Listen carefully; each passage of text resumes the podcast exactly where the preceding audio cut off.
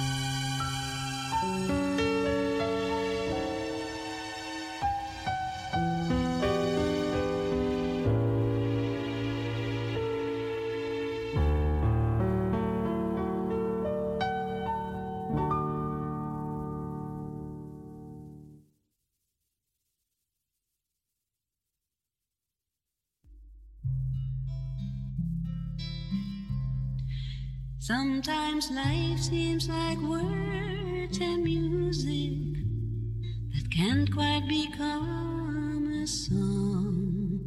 So we cry and sigh, then try again. Wonder what could be wrong. But when we turn to the Lord at the end of ourselves, like we've done a time or two before we find His truth is the same as it's always been. We never will need more. It's not in trying, but in trusting. Not in running, but in resting.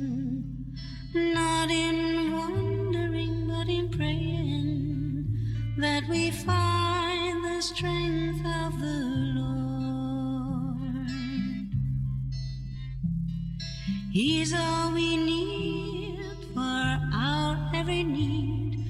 We never need be alone.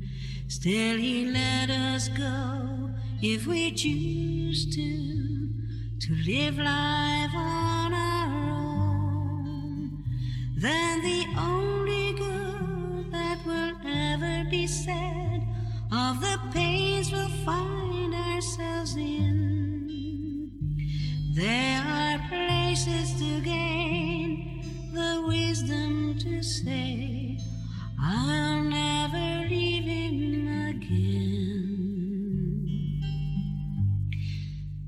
Not in trying, but in trusting, not in running, but in resting. Not in wondering, but in praying, that we find the strength of the Lord. It's not in trying, but in trusting, not in but in resting, not in wandering, but in praying that we find the strength of the Lord. It's not in trying, but in trusting, not in running, but in resting, not in wandering, but in praying that we find the strength of the Lord.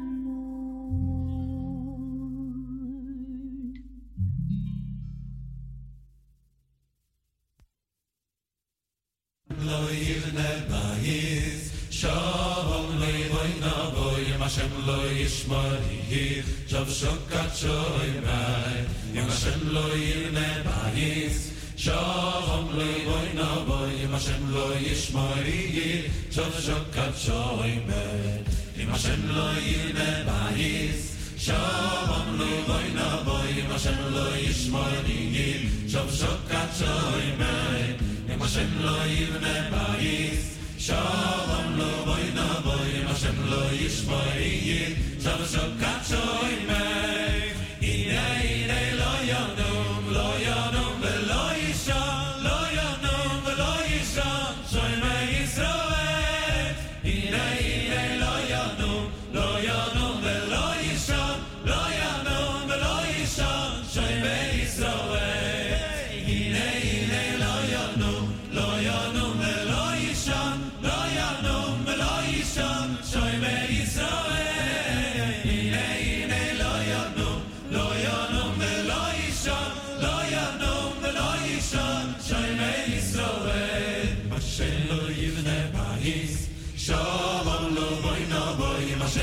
ישמוי וייב, שוב שוב קדשו אימר, אם השם לא יראה בייס, שום לא בוי לא בוי, אם השם לא ישמוי וייב, שוב שוב קדשו אימר, אם השם לא יראה בייס, שום לא בוי לא בוי, אם השם לא ישמוי וייב, שוב שוב קדשו אימר, אם השם לא יראה בייס, שום לא בוי לא בוי, אם השם לא ישמוי וייב, שוב שוב קדשו אימר,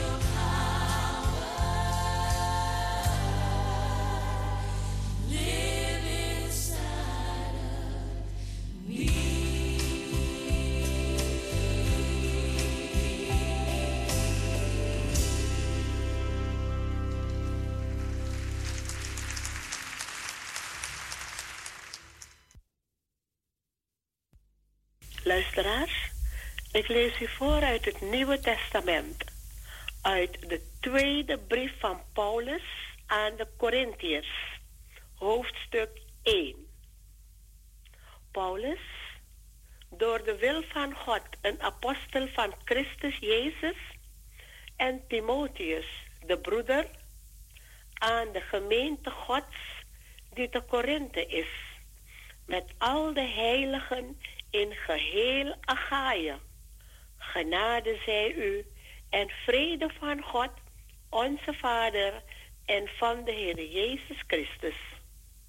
Geloofd zij de God en Vader van onze Heer Jezus Christus, de Vader der barmhartigheden en de God aller vertroosting, die ons troost in al onze druk, zodat wij hen die in allerlei druk zijn, troosten kunnen met de troost waarmee wij zelf door God vertroost worden.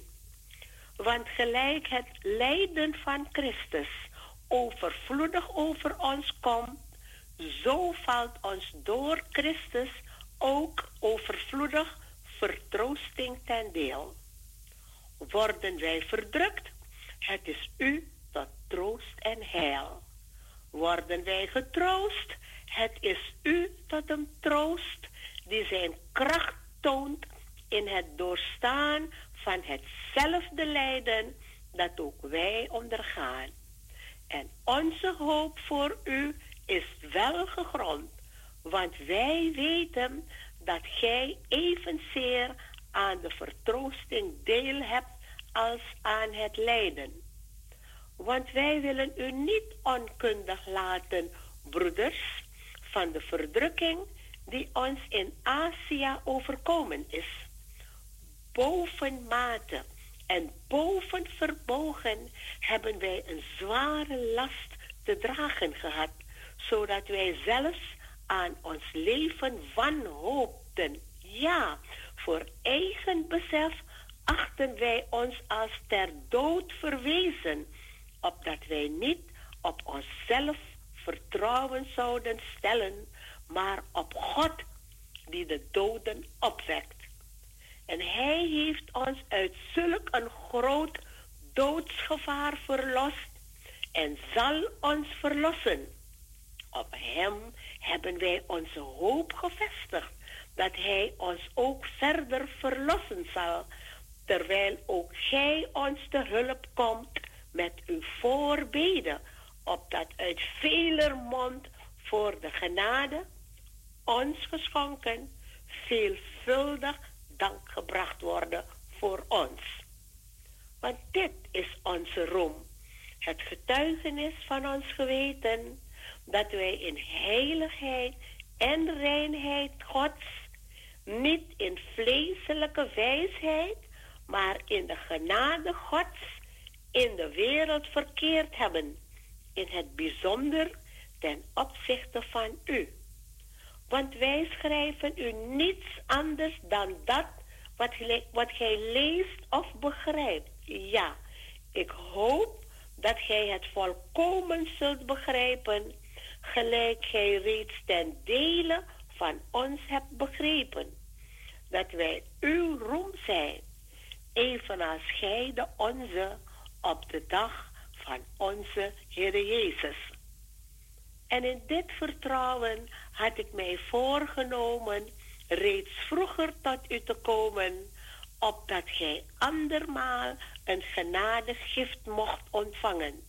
En ik had over uw stad naar Macedonië willen gaan om van Macedonië weder tot u te komen en door u voortgeholpen te worden voor mijn reis naar Judea. Heb ik dan door mij dit voor te nemen in lichtvaardigheid gehandeld? Of indien ik plannen maak, doe ik dit dan naar het vlees? zodat het bij mij tegelijk is ja, ja en nee, nee. Bij de trouw van God, ons spreken tot u is niet ja en nee.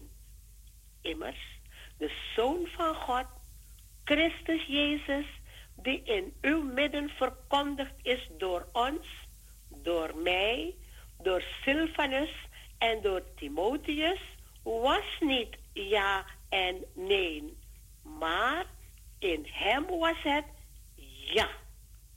Want hoeveel beloften Gods er ook zijn, in hem is het ja. Daarom is ook door hem het amen tot eer van God door ons. Hij nu, die ons met u bevestigt in de gezalfde en ons heeft gezalfd, is God die ook zijn zegel op ons gedrukt en de geest tot onderpand in onze harten gegeven heeft. Maar ik roep God aan tot getuigenis, tot getuige over mijn ziel, dat ik, om u te sparen, niet meer naar Korinthe ben gekomen. Niet dat wij heerschappij voeren over uw geloof. Nee, wij zijn medewerkers aan uw blijdschap, want door het geloof staat gij vast. Tot zover de schriftlezing. Zalig allen die het woord van God horen, het in hun hart bewaren en ernaar trachten te leven. Amen.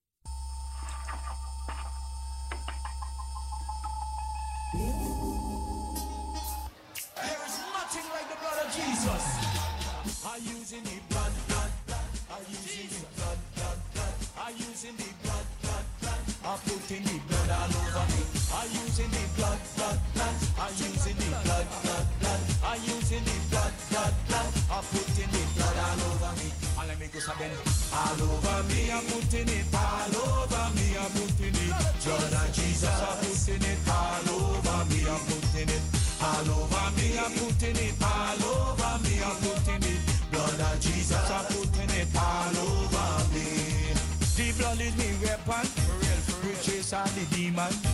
The blood came and rescue me from all of me enemies. The blood is me weapon to chase all the demon. The blood came and rescue me from all of me enemies. I'm putting it all over me. I'm putting it all over me. I'm putting it. Blood of Jesus. I'm putting it all over me. I'm putting it all over me. I'm putting it all over me. I'm putting it. Blood of Jesus. I'm putting it all over me. All over me. I'm putting it all over me. From me head straight down to me foot. I'm putting it all over me. I'm putting it all over me. I'm putting it all over me. From me head straight down to me foot. I'm putting it all over me. There is power in the blood. There is healing in the blood. There is nothing like the blood of Jesus. Power in the blood. There is healing in the blood. There is nothing like the blood of the Lamb. There is power in the blood. There is healing in the blood. There is nothing like the blood of Jesus. Power in the blood. There is healing in the blood. There is nothing like the blood of the Lamb. All amigos are. All over me, I'm putting it. All over me, I'm putting it. Of Jesus, I'm putting it. All over me, I'm putting it.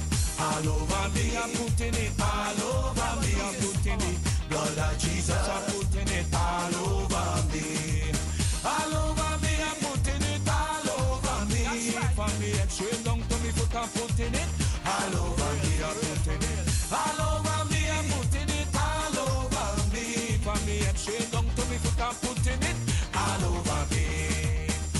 On your daughter. Put it on your son. Put it on your family. The blood they gon' set them. Put it on your daughter. Put it on your son. Put it on your family. The blood they gon' set them free. I'm putting it all over me. I'm putting it all over me. I'm putting it. Blood of Jesus. I'm putting it all over me. I'm putting it all over me. I'm putting it all over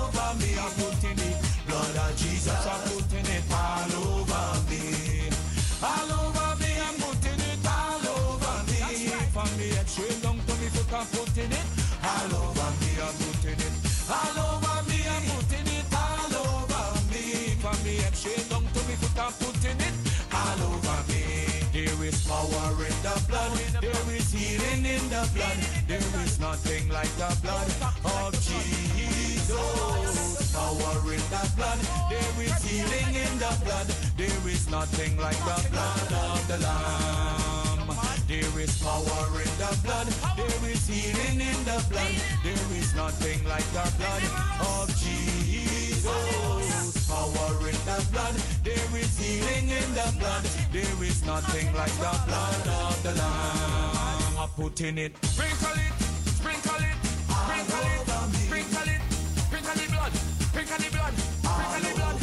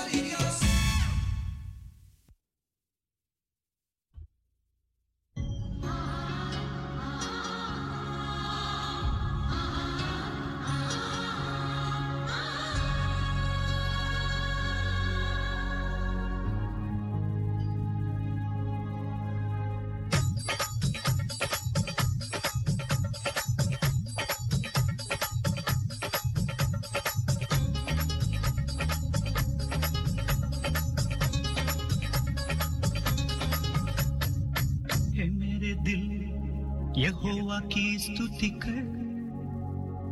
हे मेरे मन, यहोवा को धन्य कर। हे मेरे स्वर, यहोवा के गीत गा। उसके उपकार को भूलना नहीं, उसके उपकार को भूलना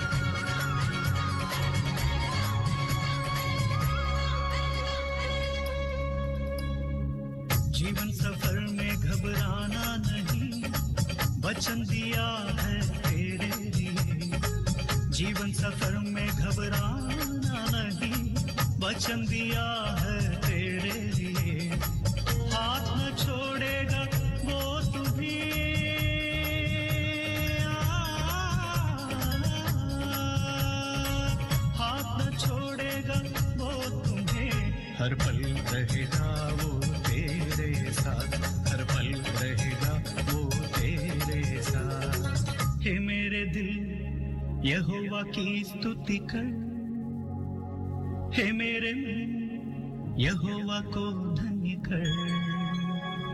हे मेरे स्व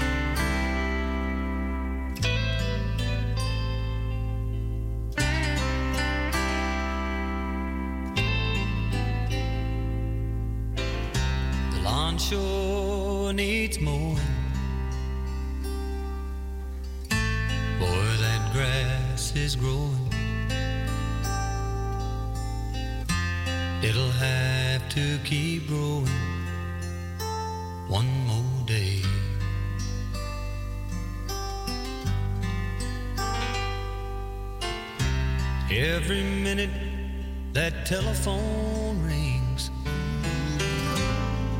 ought to put on my answering machine so I can have my time to steal away.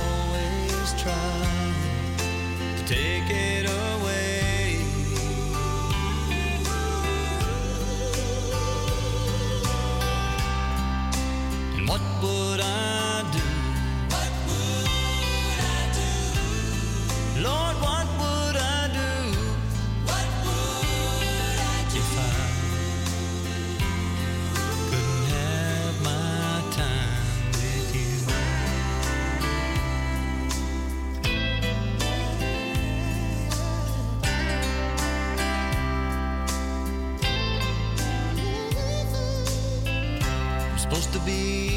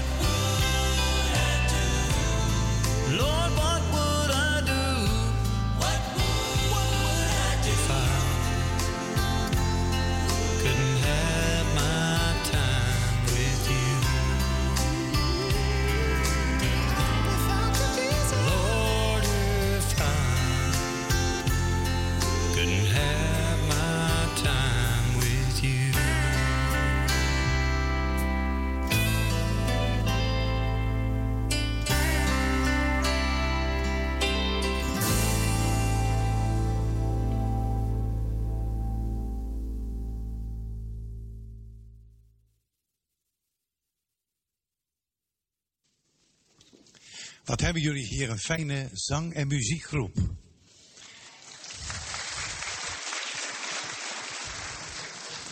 Echt fijn om daarnaar te luisteren en bovenal met hen mee te zingen. Allemaal jonge mensen, een beetje mijn leeftijd. Ik wil vanmorgen een paar dingen zeggen over de opwekkingen in het Nieuwe Testament. Daar worden in het Nieuwe Testament, Lucas en Johannes, drie opwekkingen genoemd, zoals u bekend is. De opwekking van de jongen van Nain, de opwekking van dat dochtertje, dat meisje van Jairus, en niet te vergeten Johannes 11 uiteraard, Lazarus. Om destijds willen ga ik niet die geschiedenissen lezen. Ik lees alleen een paar, wat ik dan toch mag noemen, een paar kernteksten. In Lucas 7 staat het verhaal van de opwekking van, dat, van de jongeling van Nain. En een van de meest bijzondere dingen is dat Jezus de doden gaat aanraken. Hij raakte de doden aan. Hij raakte de baar aan. De dragers stonden stil en hij zei, jongeling, ik zeg u, sta op. En de jongen ging overeind zitten en hij begon te spreken en hij gaf hem aan zijn moeder. In Lucas 8 gaat het om de, dat dochtertje van Jairus. En in Lucas 8 staan weer hele bijzondere dingen. Daar staat namelijk dat dat meisje, ze is gestorven. En dan krijgt Jezus te horen dat ze niet alleen ziek is, maar gestorven is. En dan zegt hij heel duidelijk, zij is niet gestorven, ze lachen hem uit. En dan gebeurt het grote wonder, dan zegt hij tegen haar vader, wees niet bevreesd, geloof alleen. En dan Johannes 11. En wat kunnen we veel zeggen over Lazarus en over die opwekking. Maar twee kernteksten en ik weet niet of ik daar vanmorgen aan toe zal komen. Maar een van de kernteksten is dat Jezus zegt, neem de steen weg. En de tweede kerntekst is, maak hem los en laat hem heen gaan. Drie geweldige opwekkingen. Misschien een hele aardige mededeling die ik pas heb ontdekt. Lucas was geen Jood. Lucas heeft primair zijn evangelie geschreven, niet alleen voor ons in Nederland en voor de Amerikanen, maar Lucas heeft primair zijn boodschap geschreven voor de Joden. En de Joden die leefden met en vanuit de Torah, hun Bijbeltje, de vijf boeken van Mozes. En dan staat er in Deuteronomie 19, op de verklaring van twee of drie getuigen zal een zaak vaststaan. Heel merkwaardig dat je in die boodschap van Lucas altijd weer die twee getuigen tegenkomt. Als Lucas gaat spreken over de opwekking, dan spreekt hij over die opwekking van de jongen en over die opwekking van dat meisje. Twee opwekkingen. Dat doet hij namelijk ook voordat Jezus geboren wordt. Iedereen kent het verhaal. Dan is daar Elisabeth en dan is daar Zacharias. Weer twee getuigen. Het lijkt wel alsof Judas wil zeggen, de geboorte is zo bijzonder. En dat was het ook. God is mens geworden, dat hij tweemaal twee getuigen heeft. Het zijn de herders, en we zingen daarvan, herders in de velden. En het zijn de wijzen uit het oosten. En natuurlijk ook later Anna en Simeon. Of Simeon en Anna, zoals ze genoemd worden. En als Jezus opstaat uit de doden, dan zijn het weer twee bijzondere getuigen die er zijn. Twee mannen in blinkende gewaden. We hebben ervan gemaakt twee engelen. Ik sprak een hele poos geleden met een Messias beleidende Jood. Misschien al twee jaar geleden. Dat ik hem per ongeluk tegenkwam. En toen kwam dit, dit woord van die twee mannen naar voren. En ik zei twee engelen. Hij zei nee, twee mannen. Waarschijnlijk zijn dat geweest Mozes en Elia. De wet en de profeten. Heel merkwaardig, dat doet hij ook in het handelingenboek. U weet, het handelingenboek is ook door Lucas geschreven. Maar dan is daar de eerste opwekking bij Petrus, dat is Dorcas. En later die tweede opwekking van die jongen uit die. Die zat in het vensterbank toen Paulus ging preken. En de Bijbel zegt, hij zat in het vensterbank op de derde verdieping. Dus daar was ook al een soort bijlmer. En Paulus heeft heel lang gesproken en waarschijnlijk niet zo boeiend. Hij valt in slaap en valt naar beneden. En Paulus gaat heel snel met de lift naar beneden. En dan is hij bij de jongen en hij wekt hem op. Weer twee. Heel merkwaardig. Het is me vooral de laatste tijd zo opgevallen. Dat er dingen in de Bijbel staan waar ik jarenlang overheen heb gelezen. En heb gedacht, nu, wat is dit merkwaardig. Ik las een poosje geleden bij Grosheide over de Bijbel. Dit is een boek van God en van mensen. En je ziet heel duidelijk, als mensen hierin schrijven, geleid door de Heere God, geleid door de Heilige Geest, dat het zo'n wonderbaar boek is. Het meest wonderlijke boek wat ik eigenlijk in mijn leven ken. En als ik iets ga zeggen over deze drie opwekkingen, dan wil ik in de allereerste plaats, in de allereerste plaats iets zeggen over Jezus. We zijn zo gauw geneigd om iets te vertellen van die jongeling, van dat meisje en van Lazarus. Maar in de allereerste plaats is het zo belangrijk om iets te vertellen over Jezus. En we lezen daar heel snel overheen. Als Jezus die jongen gaat opwekken, dan staat er, hij raakte de baar aan. Daar lezen we gewoon overheen. Dat was geen gebruik in Israël. Een begrafenis heet in Israël levaya. Daar zit ons woord lawaai in. En het is ook heel begrijpelijk als iemand in Israël begraven werd, misschien nog wordt, dan zijn daar de klaagvrouwen. Dan wordt er gehuild, dan wordt er geschreven, dan wordt er gejammerd. Je ziet het al eens op de televisie. Als daar bijvoorbeeld de doden zijn gevallen in het Palestijnse kamp, dan heb je daar precies hetzelfde. Dan zijn er heel veel vrouwen die klagen, die jammeren, die schreeuwen. We zouden zeggen, wat is dat oneerbiedig? Je mag best, als iemand gestorven is, huilen. Maar klaagliederen die uitgeschreven, uitgezongen worden, lawaya. Er is een hele hoop lawaai. En eigenlijk, eigenlijk had Jezus dat mee moeten doen. Hij had mee moeten schreeuwen, hij had mee moeten huilen. Dat hoorde namelijk bij die cultuur. En Jezus doet dat niet. Jezus doet iets wat eigenlijk helemaal niet mag. En waar ik ontzettend blij mee ben. Heel veel teksten staan ervan in de Bijbel, maar ik noem om destijds willen slechts één. Daar staat in nummer 5, luister, de Heer sprak tot Mozes, gebied de Israëlieten, dat zij uit de legerplaats wegzenden, alle melaatsen, alle die een, een vloeiing hebben en alle die onrein zijn, door aanraking van een lijk. Je werd dus onrein als je een dode ging aanraken. En moet je zich voorstellen, er is een Jood, er is een rabbi, daar is Jezus. De man die het zo goed weet, die hoog genoteerd staat. En hij raakt de baar aan. Jezus, dat kan niet, dat mag niet.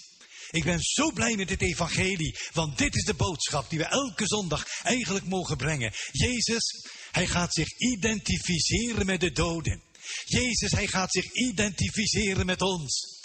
Hij die God gelijk was, is de mensen gelijk geworden. Er is een prachtig boekje verschenen, een hele poos geleden al. Ik heb het even meegenomen, het is een heel dun boekje van Dirk Prins. En u zal het misschien wel kennen, het heet De Omwisseling. Toen Jezus aan dat kruis hing, toen gebeurde daar zo ongelooflijk veel.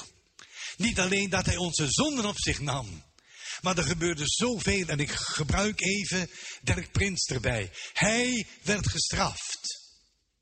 En wij kregen vergeving. Hij werd gewond. Denk aan de spijkers. Denk aan zijn zij. En voor ons is de boodschap, halleluja, van genezing. Hij werd tot zonde gemaakt. En wij werden gerechtvaardigd. Deze boodschap heeft mij altijd zo diep aangesproken. Ik was nog student in een tijd dat de hoogleraren zeer gelovige mensen waren. En ik kan me herinneren dat we een college kregen. En we werden die tijd altijd als student aangesproken met heren. En die hoogleraar die zei, heer luister goed. Hij werd, wat wij waren, een zondaar. Opdat wij zouden worden wat hij was, een rechtvaardige. Dat is het geweldige. Wat gebeurde aan het kruis? Hij identificeerde zich met ons. Hij stierf onze dood. En wij mochten ontvangen zijn leven. Hij stierf onze armoede. En wij mogen delen in zijn overvloed. Hij werd tot schande gemaakt. En wij ervaren glorie. Halleluja. Hij heeft, oh vreselijk, afwijzing ondervonden. Mijn God, mijn God, waarom hebt ge mij verlaten? En wij hebben acceptatie ontvangen. Hij is een vloek geworden. En wij zegen. Hij raakte de baar aan. Hij werd één van ons. U weet, ik kom uit het nest. Een goed nest van baptisten. En ik heb het altijd fantastisch gevonden om mensen te dopen. En ik heb het bijna in elke doopdienst gezegd. Toen Jezus gedoopt werd, identificeerde hij zich met ons. Johannes zegt, ik moet door u gedoopt worden en niet u door mij. Toen hij gedoopt werd, en dat was niet nodig, hij was geen zondaar. Toen hij gedoopt werd, identificeerde zich hij met ons. En als wij gedoopt worden, dan gaan wij ons met hem identificeren. In de doop van Jezus kwam hij helemaal, helemaal totaal aan onze kant staan. En als wij gedoopt worden, gaan we helemaal aan de kant van Jezus staan. Hij raakte de bar aan. Oh, wat een wonderlijke tekst. Je leest er zomaar overheen. Omdat we misschien het hele gebeuren, dat hele gebruik van Israël niet kennen en niet weten. Maar het is zo ontzaglijk bijzonder. Hij identificeert zich met de doden. Opdat wij mogen leven. Over dat meisje, die dochter van Jairus, ga ik ook nog wat zeggen. Daar staat heel eenvoudig. Ze lachten hem uit. Als Jezus zegt, ze is niet gestorven, ze slaapt, ze lachen hem uit. Keurige vertaling. Luther vertaalt, ze herlachten in. Eigenlijk is dit woord niet te vertalen, dacht ik vanuit het Grieks. Eigenlijk is het een, een soort bespottelijk lachen. Een heel sterk uitlachen. Van man, je bent crazy, je bent gek. Je ziet toch wel dat hij dood is, dat ze dood is. Ze lachten hem uit. Als Jezus bepaalde dingen doet, dan wordt hij uitgelachen, dan wordt hij bespottelijk gemaakt. Net als op dat kruishout ter schande. Hij was een bespotting geworden. Voor de Joden, voor de Romeinen en uiteraard ook voor ons. Onvoorstelbaar, wat heeft Jezus bij die opwekkingen een grote prijs betaald? Heb je er wel eens over nagedacht? We lezen er daar zo vlug, zo machtig vlug overheen. Maar het is zo, zo merkwaardig. Je vindt het ook bij Lazarus. Als je dat toch meemaakt, als schriftgeleerde, als fariseeër, als mens. Als je dat toch meemaakt, dat er iemand in een graf ligt, al vier dagen lang, en je bespeurt de lijkenlucht. En de steen wordt weggerold. En de dode komt naar buiten. Op het woord van Lazarus komt naar buiten. Mensen, als je dat toch in je leven meemaakt, dat is toch onvoorstelbaar. En dan staat er, sinds die dag beraadslaagden zij om hem te doden. Dit is toch krankzinnig? Als je dat meemaakt, wie je ook bent. Of je nou een atheïst bent, of een communist, of een socialist. Wat je ook bent. Maar als je zoiets meemaakt. Je zou bijna een hartvlamming krijgen. Dat je denkt, hoe is dit mogelijk? Hoe is dit mogelijk? En sinds die dag beraadslaagden zij om hem te doden. Als Jezus grote dingen doet in levens van mensen, dan heeft hij altijd daarvoor een grote prijs betaald. En ik wil zo graag dat we dat niet in ons leven gaan vergeten. Onthoud het goed, de omwisseling aan het kruis op Golgotha. Niet alleen, hij droeg mijn zondepakketje, maar notabene, ik ben een geliefd kind van God. Ik las een paar dagen geleden een artikeltje over wie ben ik. U hebt daar straks van gezongen in dat mooie lied. Wie ben ik? Wie ben ik? Nou, ik kan daar een paar antwoorden op geven. Ik ben wat ik doe. Mijn vrouw en ik keken de vorige week naar World Got Talent. Een programma van de EO. Wij kijken altijd alleen naar de EO. Yo. En daar kwam een jonge man in de halve finale, ik had het daarvoor niet gezien. En die ging zingen. Ik probeer het heel lief en duidelijk te zeggen. Mezelf niet kwetsend, maar anderen ook niet. Hij was ongelooflijk corpulent. Eigenlijk niet om aan te zien. En als je dat zag, dacht je, wat moet, je, wat moet dat worden? Hij vertelde dat hij op school, natuurlijk op school, vreselijk gepest is geworden. En toen zei een van die juryleden, begint u maar te zingen. En toen ging die man zingen. Onvoorstelbaar. Ik denk binnen een minuut ging die hele meute, die hele zaal vol met mensen ging staan. En ook de, de, de jury ging staan, drie man sterk. Ze gingen staan, applaudisseren. Toen hij klaar was, werd er hem gevraagd hoe reageren de mensen erop. En toen zei hij, op straat word ik herkend. En de mensen die hem vroeger op school pesten, die bogen nu als een knipmes. Ik ben wat ik doe. Dat merk je telkens weer. Als je iets belangrijks presteert, dan buigen de mensen voor je als een knipmes. Maar als je maar heel gewoon bent, wat kun je het moeilijk hebben op school? Ik ben wat anderen van me zeggen. Daar gebruik ik het woord populariteit voor. En ik denk, ik denk, ik denk dat elke voorganger, als hij gaat beginnen, erop uit is dat de mensen in zijn kerk of in zijn gemeente hem aardig en vriendelijk vinden. Ik denk dat elke voorganger erop uit is. Ik kan alleen maar spreken van mezelf.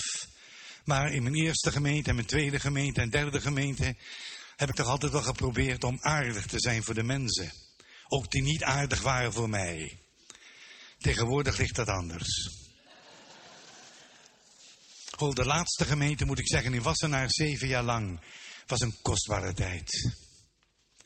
Maar ik ben wat anderen van me zeggen. Ik ben wat ik bezit. Mijn auto. Moet u straks even kijken op de parkeerplaats hiernaast voor de dominees. Ik ben wat ik bezit, mijn huis. Hoe woon je? Ik zeg het misschien iets lelijker. Je komt het ook in de kerk tegen en ik erger me daar wel eens aan.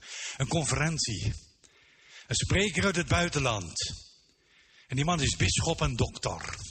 Ja. Oh. Tegenwoordig krijg je dokter bij de Blue Band. Maar dat is nog niet de ergste. Hij is natuurlijk bisschop en dokter van een gemeente van 60.000 leden. Alsof dat belangrijk is. Ik ben wat ik bezit. Ik heb een kerk, ik heb een church met 60.000 members. Hou op! Hoeveel mensen hebben door jouw boodschap de knieën voor Jezus gebogen? Dat is veel belangrijker. Hoeveel mensen hebben de warmte van je arm gevoeld? Hoeveel mensen hebben Jezus leren kennen als de Heer van hun leven? Ik ben wat ik bezit. Niet ik ben wat ik doe. En niet ik ben wat anderen van me zeggen. Niet ik ben wat ik bezit. Jezus raakte de baar aan. Ik ben in Christus. Twee woordjes zijn in mijn leven overgebleven de laatste jaren. Ik ben in Christus een geliefd kind van God. God zei tegen Jezus bij zijn doop en op de berg. Dit is mijn zoon, mijn geliefde, in wie ik een welbehagen heb. En luister, in Christus ziet God u en ziet God mij. En in Christus kan God zeggen, dat is mijn geliefde zoon, dat is mijn geliefde dochter. In Christus, in Christus. Ik kan dit niet visualiseren. Dit zijn de sleutels van ons huis. Er is er nog één bij van de brandkast. En in dit zakje zit de sleutel van mijn auto. Dat kan ik visualiseren. Ik heb het in mijn zak. Maar ik ben in Christus kan ik niet visualiseren. Dat kan ik alleen maar geloven. Ik sprak een paar weken geleden s'avonds in een Griffemiddenkerk. Het zei een zware broeder tegen mij. Bent u niet bang als u voor de troon van God komt te staan? Want God is toch de Heere, God is toch onze rechter.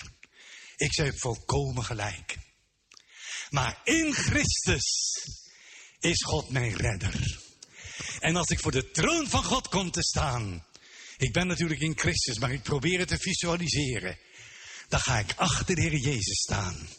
En dan ziet God mij in en door de persoon van Jezus als zijn geliefde zoon.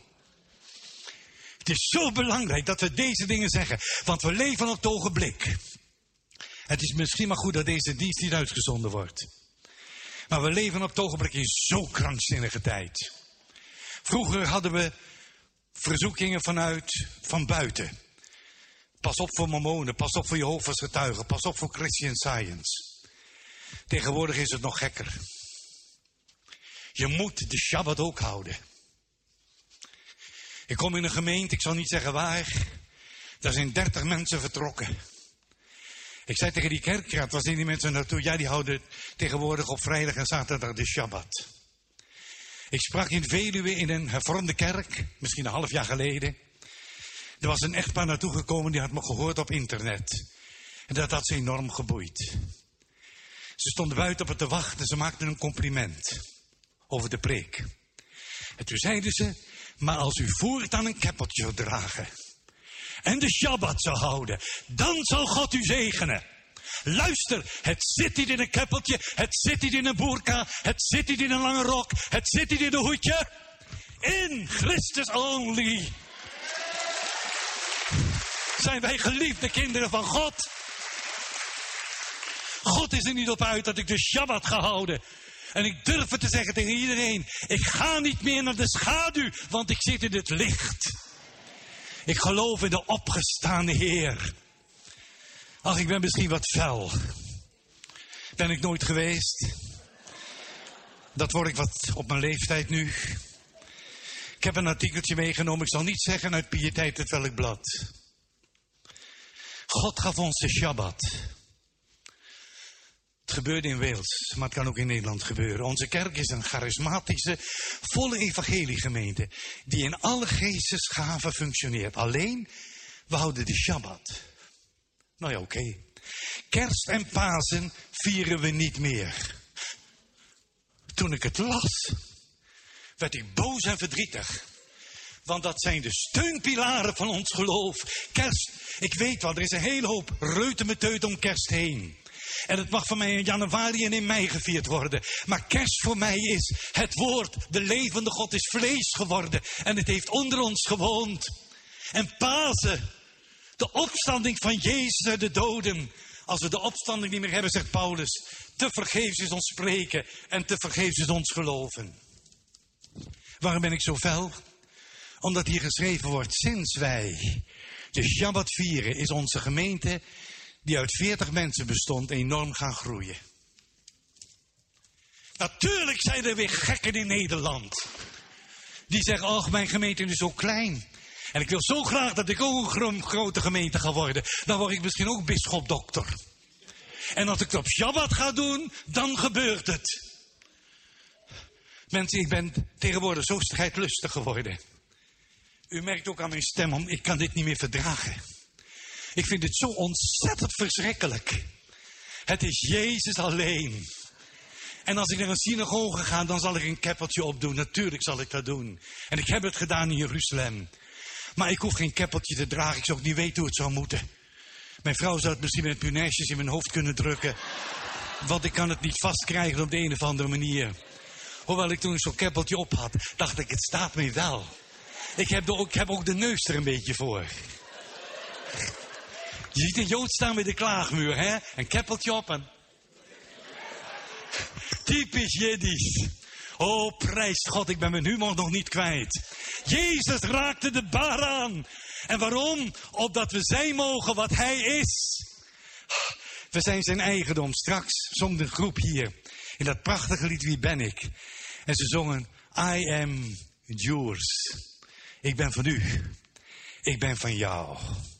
Oh, grandioos. Jezus raakte de baar aan. Ik kan me voorstellen, natuurlijk, dat er vanmorgen mensen hier in de kerk zijn die zeggen, ach, was Jezus er vandaag en er nog, nog maar. Dan kon hij mij aanraken. Dom, dom, dom, dom. Luister, Jezus raakt je vanmorgen aan. Op tweeërlei manieren. Hij raakt je aan door het woord. Het woord is zo belangrijk. Dit woord is zo belangrijk. Hij raakt je aan door het woord. Ik raak de baar aan. Ik raak jou aan. Ik ben gisteren en heden dezelfde. Tot in alle eeuwigheid. Ik raak je aan. En hij raakt je aan door de Heilige Geest. En ik zei pas geleden in onze oude gemeente nog. Ik denk voor het eerst dat ik het durfde te zeggen. Ik merk altijd weer een samenspel, de ene keer sterker, de andere keer minder. Maar een samenspel tussen de Heilige Geest en de prediker. Dat is een soort klik, ik kan dat niet verklaren, maar je spreekt. En dat doe je met jouw woorden, je doet het omdat je je voorbereid hebt, je doet werkelijk je best. En op een bepaald moment ontdek je, de geest van God brengt het over op een plek waar jij niet kan en waar jij niet mag komen. Dat is de harten van de mensen. Dat is zijn privilege. En opeens merk je dan tijdens het spreken, oh, daar gebeurt wat. Daar gebeurt wat. De geest van God is aan het werk. We zijn samen aan het werk. Hij en ik, ik en hij. Hij gebruikt onze woorden. Dat is voor mij altijd nog Pinksteren. En zij begonnen te spreken. Op kerst zijn het de engelen die spreken. Kind is ons geboren. Op Pasen zijn het de engelen die, die spreken. Wat zoek je? De leven bij de doden. Op Hemelvaartsfeest zijn het de engelen die spreken. Van, hij is hier niet meer. Hij is opgestaan en hij gaat naar de hemel. Ziet hoe Galileese mannen. En dan wordt het Pinksteren. En zij begonnen te spreken. En als die zij hier staan, dan heet dat preken. Tegenwoordig hebben we daar een nieuw woord voor waar ik niet van hou. Dat is, ik wil wat met u delen. Ik deel niks met u, ik preek. En ik geloof dat ik het zeg, maar ik heb een boodschap met al mijn falen en toeters en bellen. Maar ik heb een boodschap van de levende God en ik preek. U preekt niet, moet u ook niet doen. U gaat getuigen.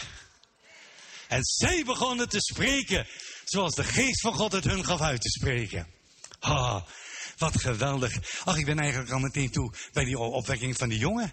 Die jongen komt tot leven en hij begon te spreken. Wat zou hij gezegd hebben? Ik heb geen idee. Ik heb geen idee. We zouden hem, als we geleefd hadden, misschien in die periode gevraagd hebben: Wat heb je gezien? Wat heb je meegemaakt? Want we zijn zo ontzettend nieuwsgierig. Hij begon te spreken. Luister, ik denk, ik denk, als Jezus je aanraakt, dan gebeurt er één ding in je leven. Dan ga je spreken. Dan ga je vertellen niet wie jij bent, maar dan ga je de grote daden van God vertellen. Dan ga je hooguit vertellen, ik ben in Christus een geliefd kind van God. We gaan naar die tweede opwekking. Wat gaat die klok hier altijd vlug, hè?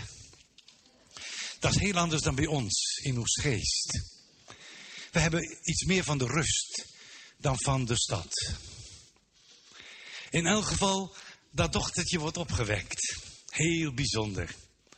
En dan staat er, dan zegt hij, vindt u het niet meer raar? Geef haar te eten. Dat zou je toch niet verwachten? Geef haar te eten. Mag ik het zo eens tegen jullie zeggen, dan vergeet je dat nooit meer. Jezus is veel minder christelijk dan wij. Oh, we zijn soms zo christelijk dat je er beroerd van wordt. Als Jezus het onze Vader leert, dan doet hij dat helemaal verkeerd. Hij begint met, geef ons heden ons dagelijks brood. En dan, dan pas, en vergeef ons onze schulden. Gelijk op, nou ja, als wij dat hadden moeten we denken, waar we het al begonnen met, vergeef ons onze schulden. Als je ja, wat te zeggen hebt, ga naar broeder van Stenens of kom bij mij of kom bij ons biechten.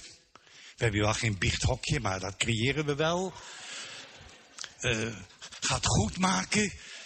Daar gaan we mee beginnen. En dan pas, dan pas, dan pas. Geef ons heden ons dagelijks brood. Jezus is veel praktischer dan wij. Ik vind dit altijd zo mooi. Wij zijn zo super christelijk. Zo super christelijk.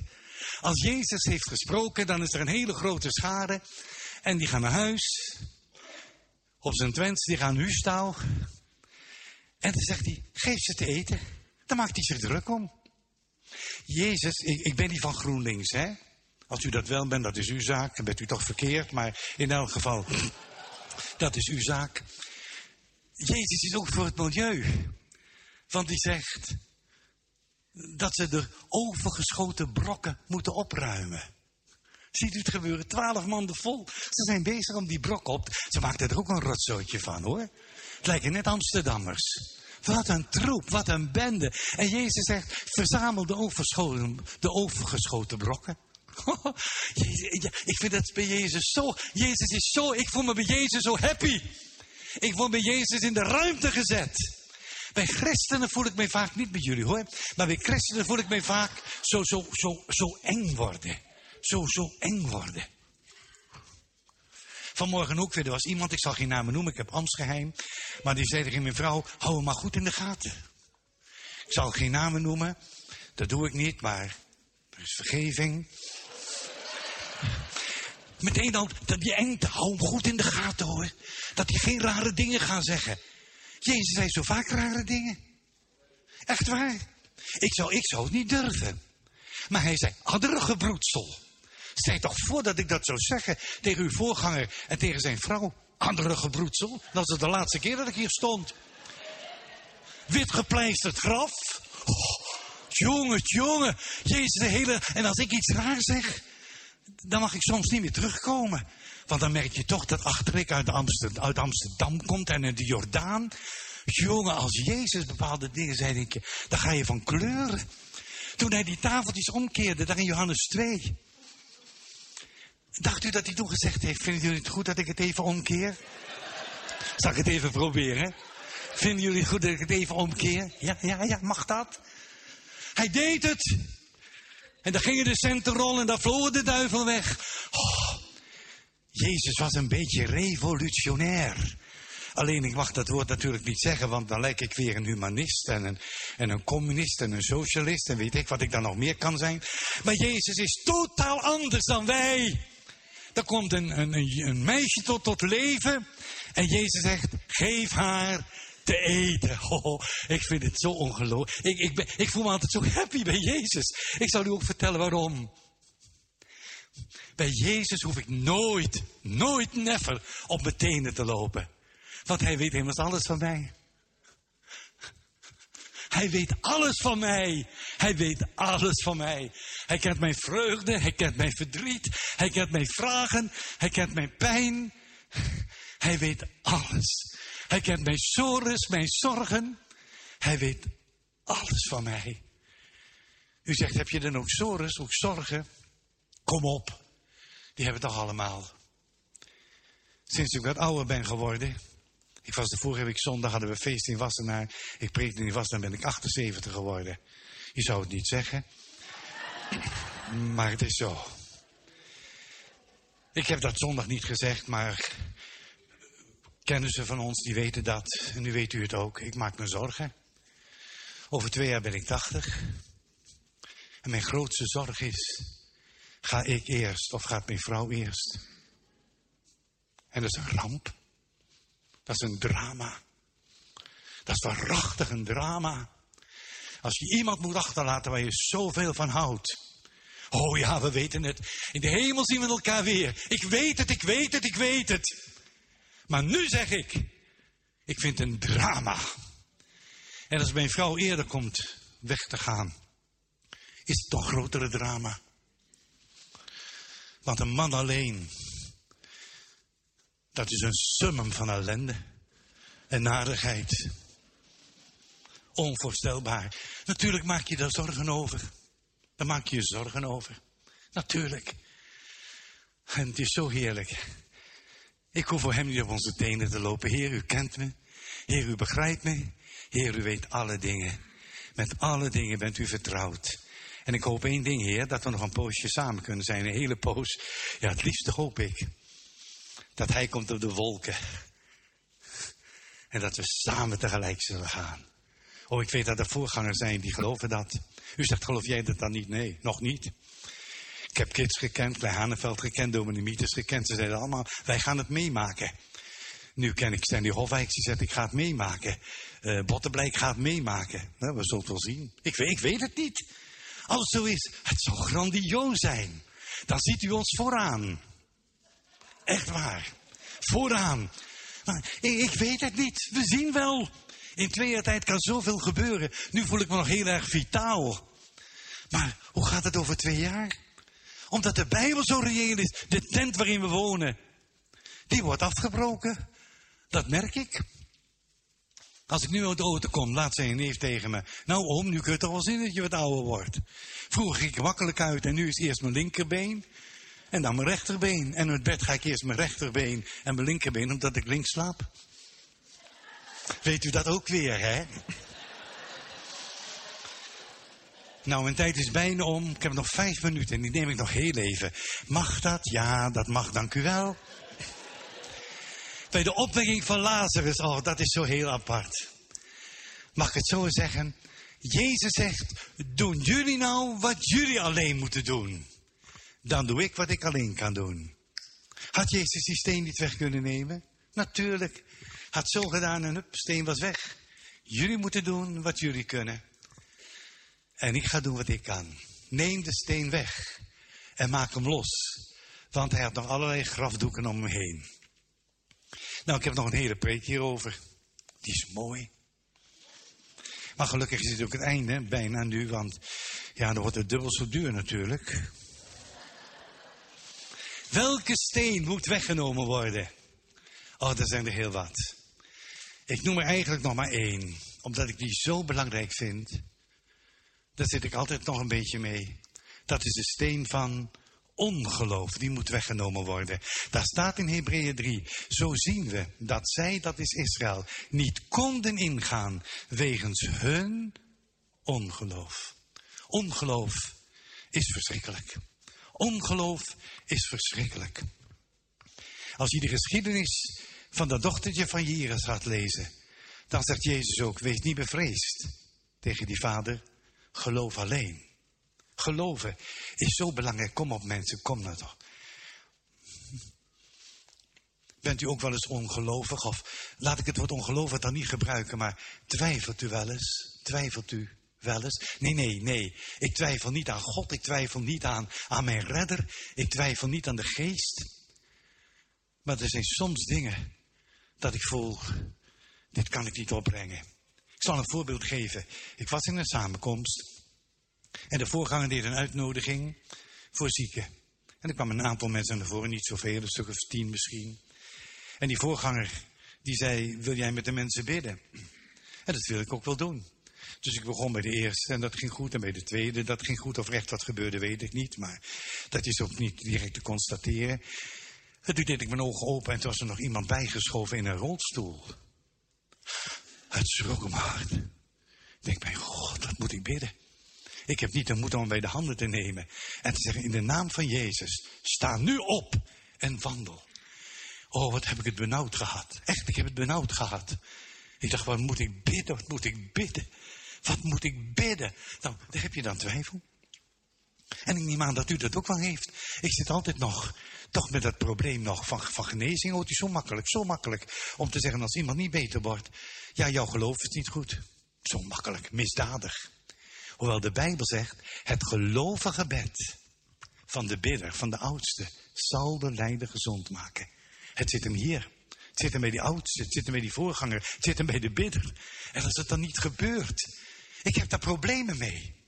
En ik ben niet alleen die daar problemen mee heeft. Ik praat erover met Jan Sjoerd en met Kees Goedhart. En we delen samen diezelfde problemen. En ik denk dat ik dat de voorgangers hier ook zou hebben. Misschien tot slot een aardig voorbeeld. Regilio Tuur is een bokser. U hebt misschien wel eens van zijn naam gehoord. We zijn er wel eens tegengekomen, mijn vrouw en ik, als we in de PC Hoofdstraat in Amsterdam winkelden. Ik begrijp niet waarom ze lachen. Wat een rare mensen in Rotterdam. Ja, wij winkelen wel in de PC Hoofd alleen, we kopen daar niks. Alleen, we kijken naar de etalages. En dat vinden we dan leuk. En dan lopen we zo van, van die PC Hoofdstraat naar het Leidseplein. En dan kopen we daar met een McDonald's een broodje. Maar we lopen dan door de PC Hoofd. En dan zien we Regulio Tuur wel eens. Kon je op zijn, op zijn scooter. Een paar keer hebben we dat meegemaakt. Ik vind het altijd leuk om die, om die man te zien. Toen hij ophield met boksen, had hij een geweldig zinnetje. Hij werd geïnterviewd. Luister, het had in de Bijbel kunnen staan. En toen zei hij, 1% twijfel is 100% nederlaag. En hij heeft gelijk. 1% twijfel is 100% nederlaag. En dan kijk ik niet naar collega's van mij. Als er misschien ook niks gebeurt. Ik kijk gewoon naar mezelf. En als er dan niks gebeurt, dan denk ik, Heere God heeft dat te maken met die ene procent en met die honderd procent. En ik heb zo diep verlangen, zo diep verlangen, dat de Heere God ook in mij eventueel een steentje of een steen of een grote steen van ongeloof, van twijfel weg zal nemen. Omdat er in die laatste jaren, ik zeg niet van mijn bediening, maar van mijn werk, nog grote dingen zullen gebeuren tot eer van zijn naam. Amen.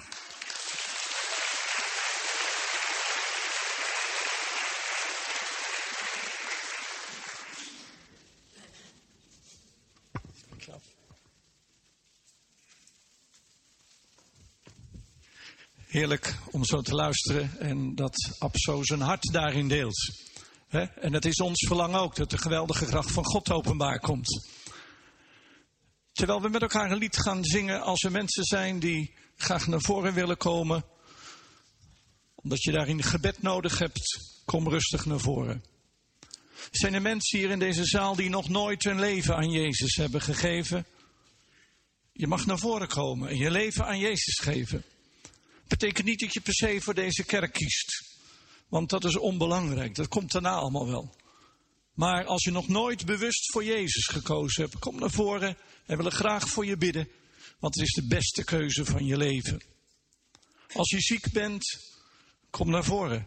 En we willen met elkaar ervoor bidden, hè, omdat we elkaar zo nodig ook in hebben. Zijn er andere problemen? Blijf er niet in zitten. Maar laten we met elkaar uitzien wat de Heer ook vanmorgen doet.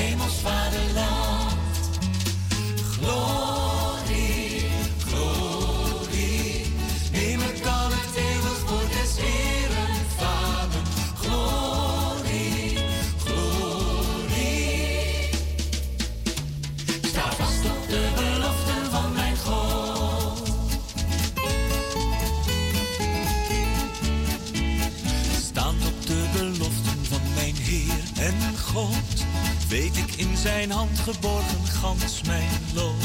Glorie en aanbidding zijn mijn diepere Heer, zijn beloften falen nimmer meer. Glorie,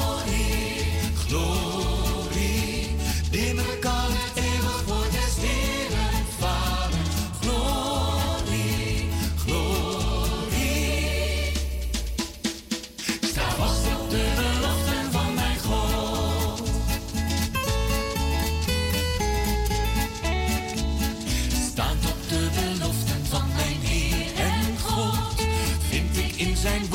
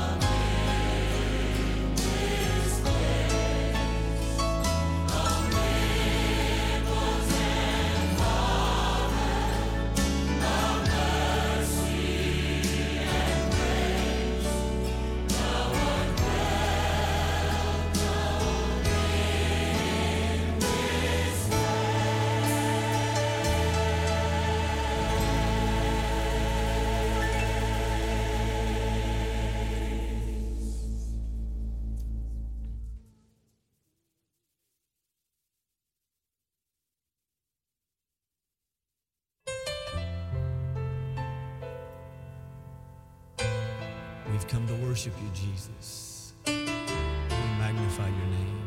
We glorify you.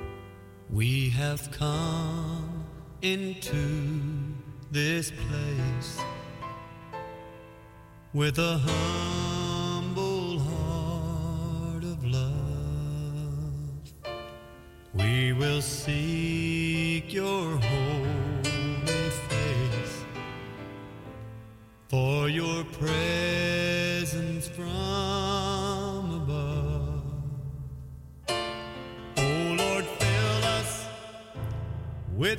spirit in endures.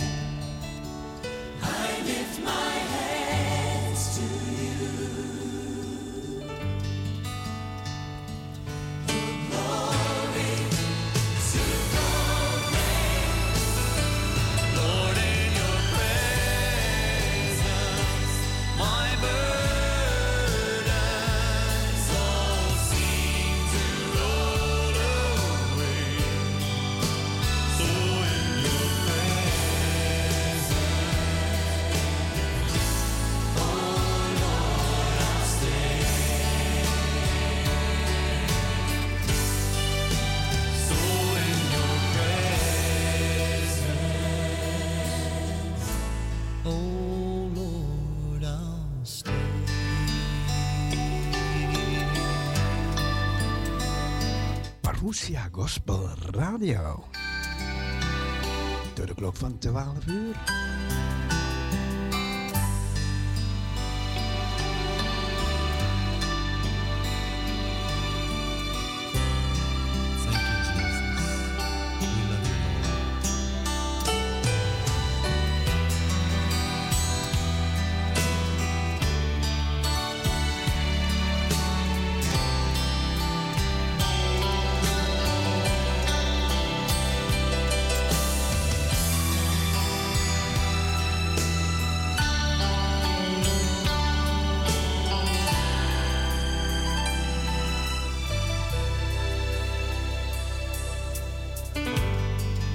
There's no one like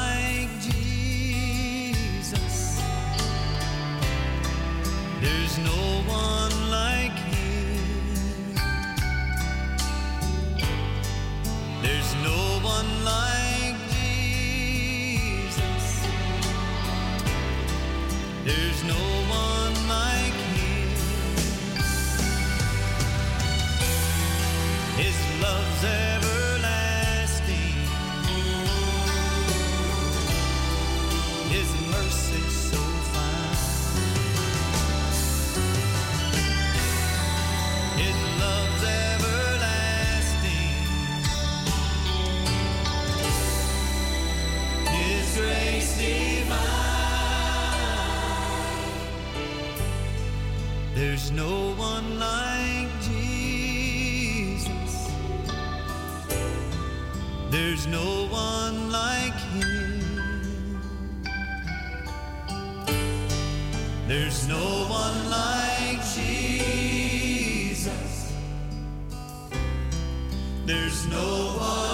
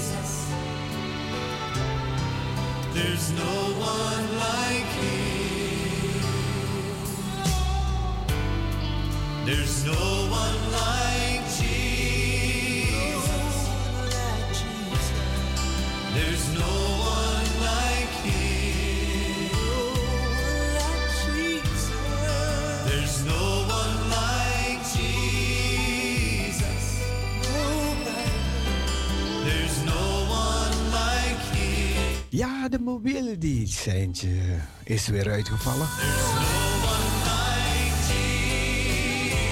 Maar internetradio's, die doen het nog.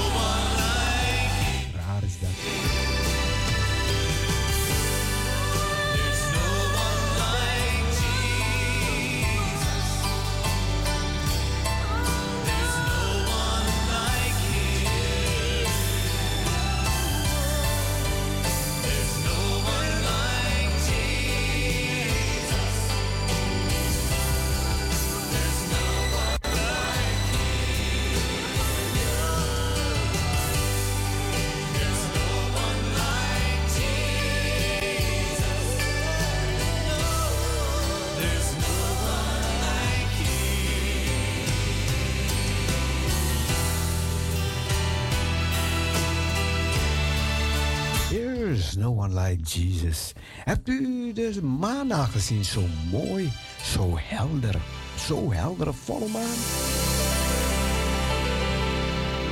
There's no one like Jesus. En dat was Delway. Op de 102.4 FM. Your Gospel Radio. Parousia.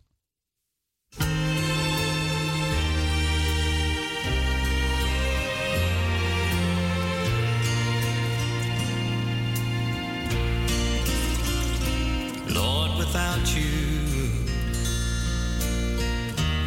I couldn't face each morning.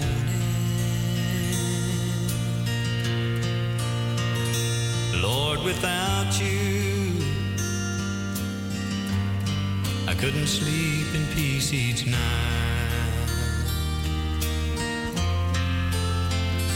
Lord, without you, couldn't go on another moment. Oh no, there's no use going on without you by my side. Cause Lord, you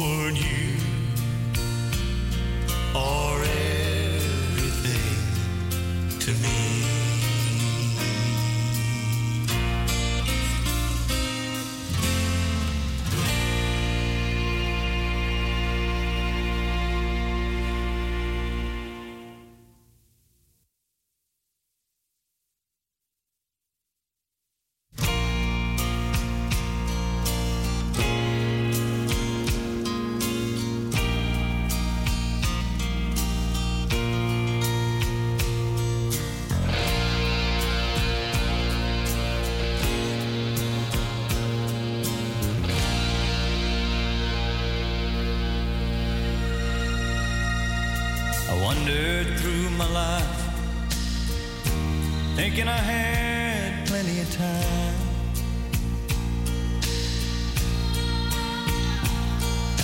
What I didn't realize were the things happening before my eyes.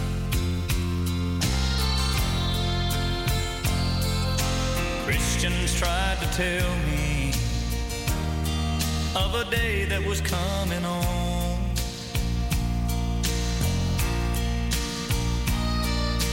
said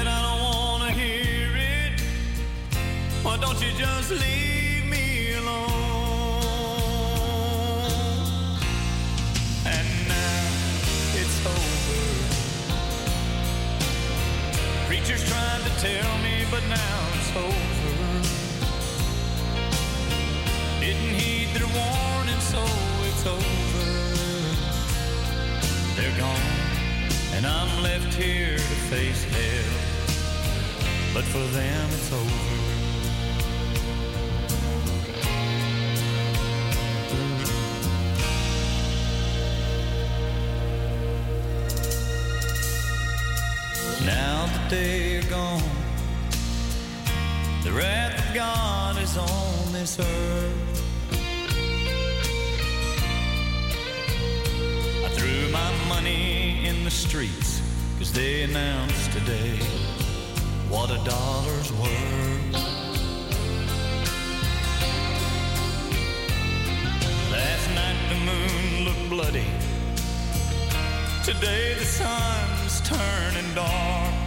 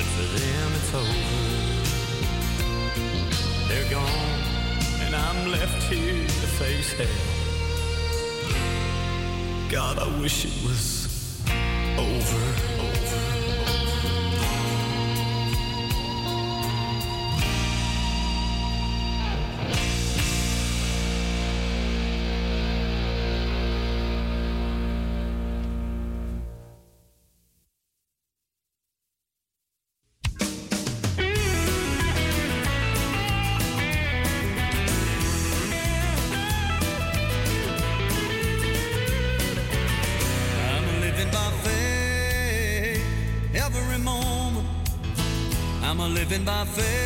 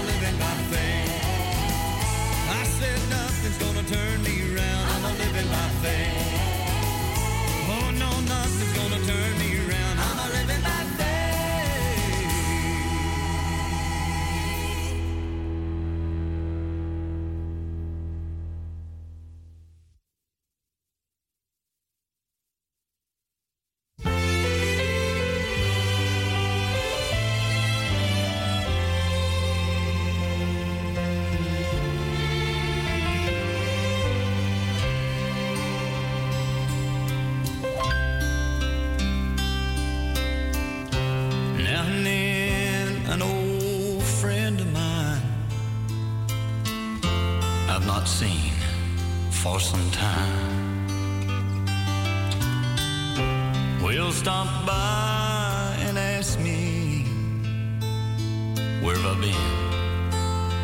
What's on my mind? They wonder why I'm not drinking and still painting this old town red. I tell them I'm serving Jesus now the old man is dead.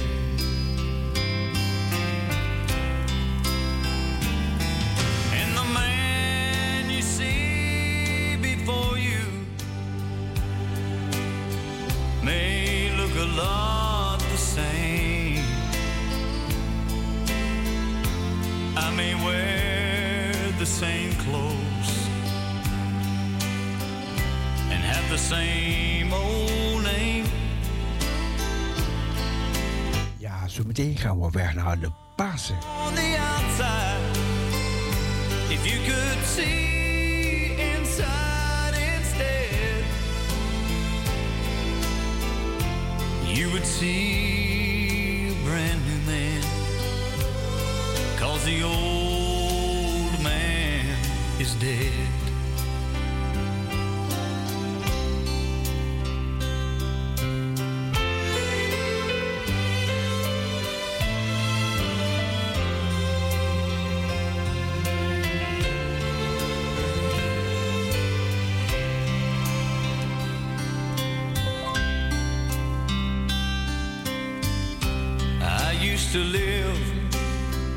such a wicked life.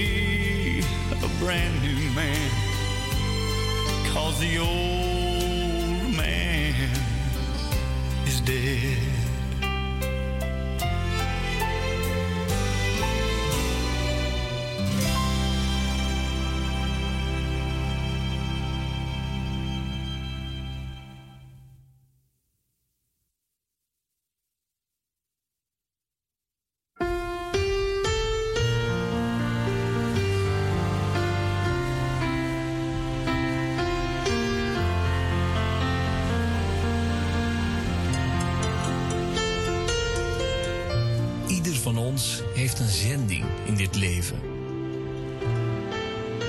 Jezus bidt tot de Vader voor zijn leerlingen met deze woorden.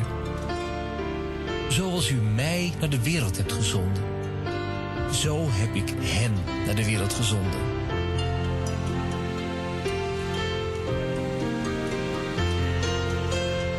Je realiseert je bijna nooit dat je gezonden bent om taken te vervullen die God je heeft gegeven.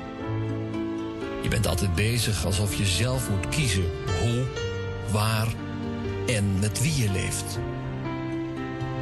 Alsof je zomaar in de schepping gedropt bent en je jezelf moet vermaken totdat je doodgaat.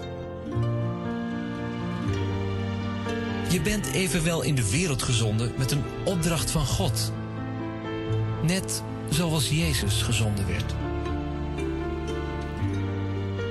Als je eenmaal vanuit die overtuiging begint te leven, zul je gauw ontdekken wat je te doen staat en wat je te doen hebt.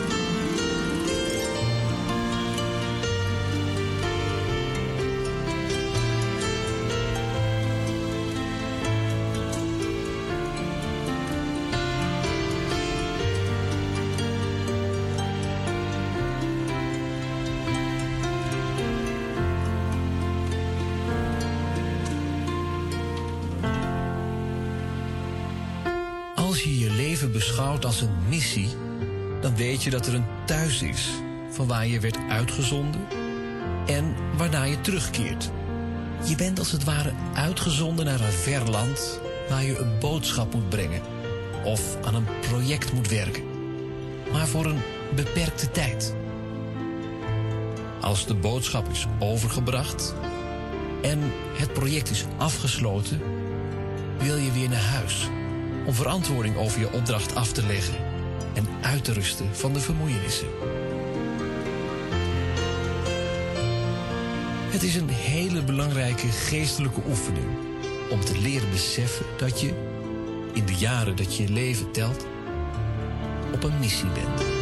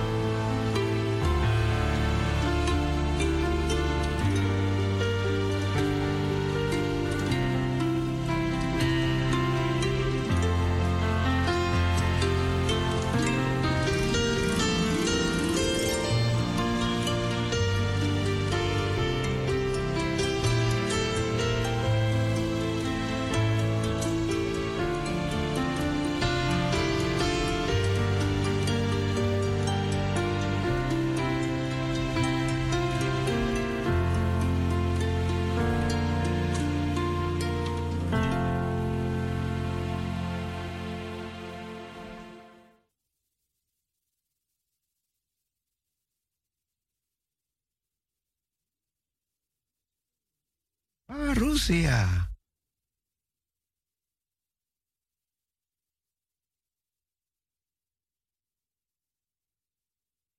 Ja, we draaien nog zo'n mooi liedje van Gethsemane. En ja, daar gaan we echt, echt,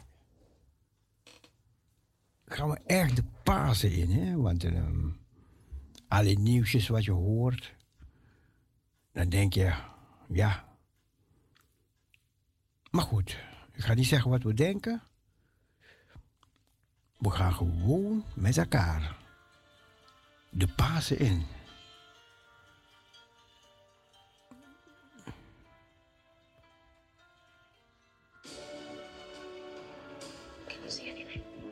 Luister naar dit mooie lied nog. The Grand Tour, the very best of Switzerland packed. Luister naar dit mooie liedje. I come to the garden alone. While the dew is still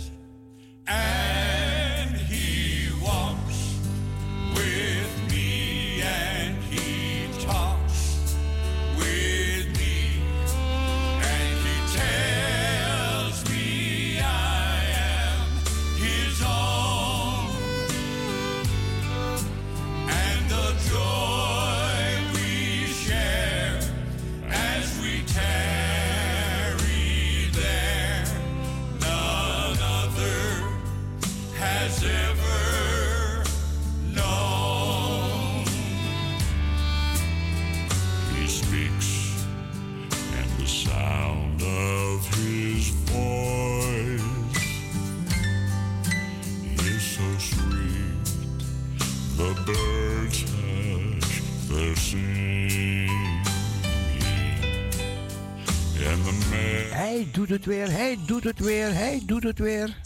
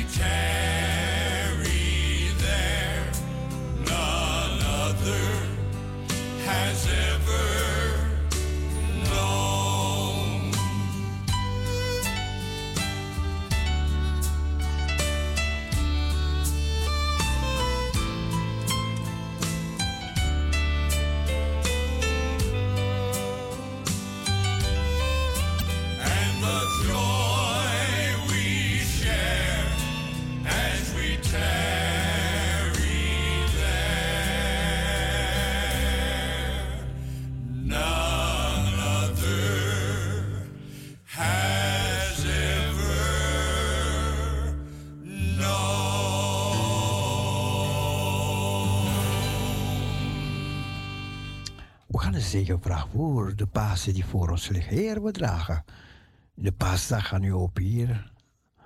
Het is overal in de wereld een beetje onrustig. Maar onrustig is het hart tot het rust vindt in u. En ook deze wereld, Heer, want u bent de rust zelf. We geven u ons leven allemaal over en we leggen het in uw trouw, Vader, handen. We bidden voor een gezegende paas overal ter wereld, Heer. Met uw vrede zal zegen vieren. Zegen zo ieder, bidden wij, Vader, door uw genade en uw liefde, in de naam van Jezus Christus. Degene die is, die was, en de Heer Jezus, die wederkomen zal. en met hem het loon. Halleluja. Amen.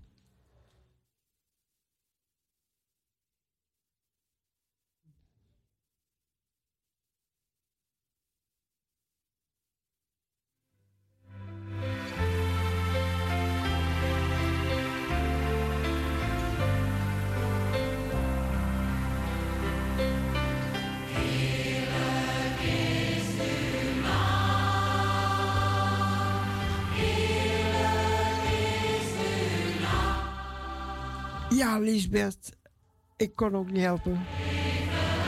Het lag niet bij Parousia.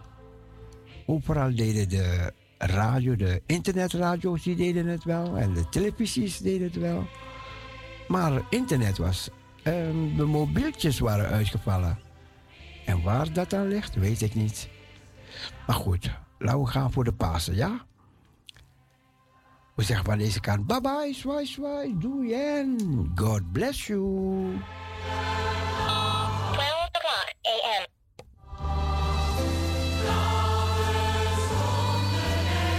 Slaap lekker, sleepy sweetie en happy Easter.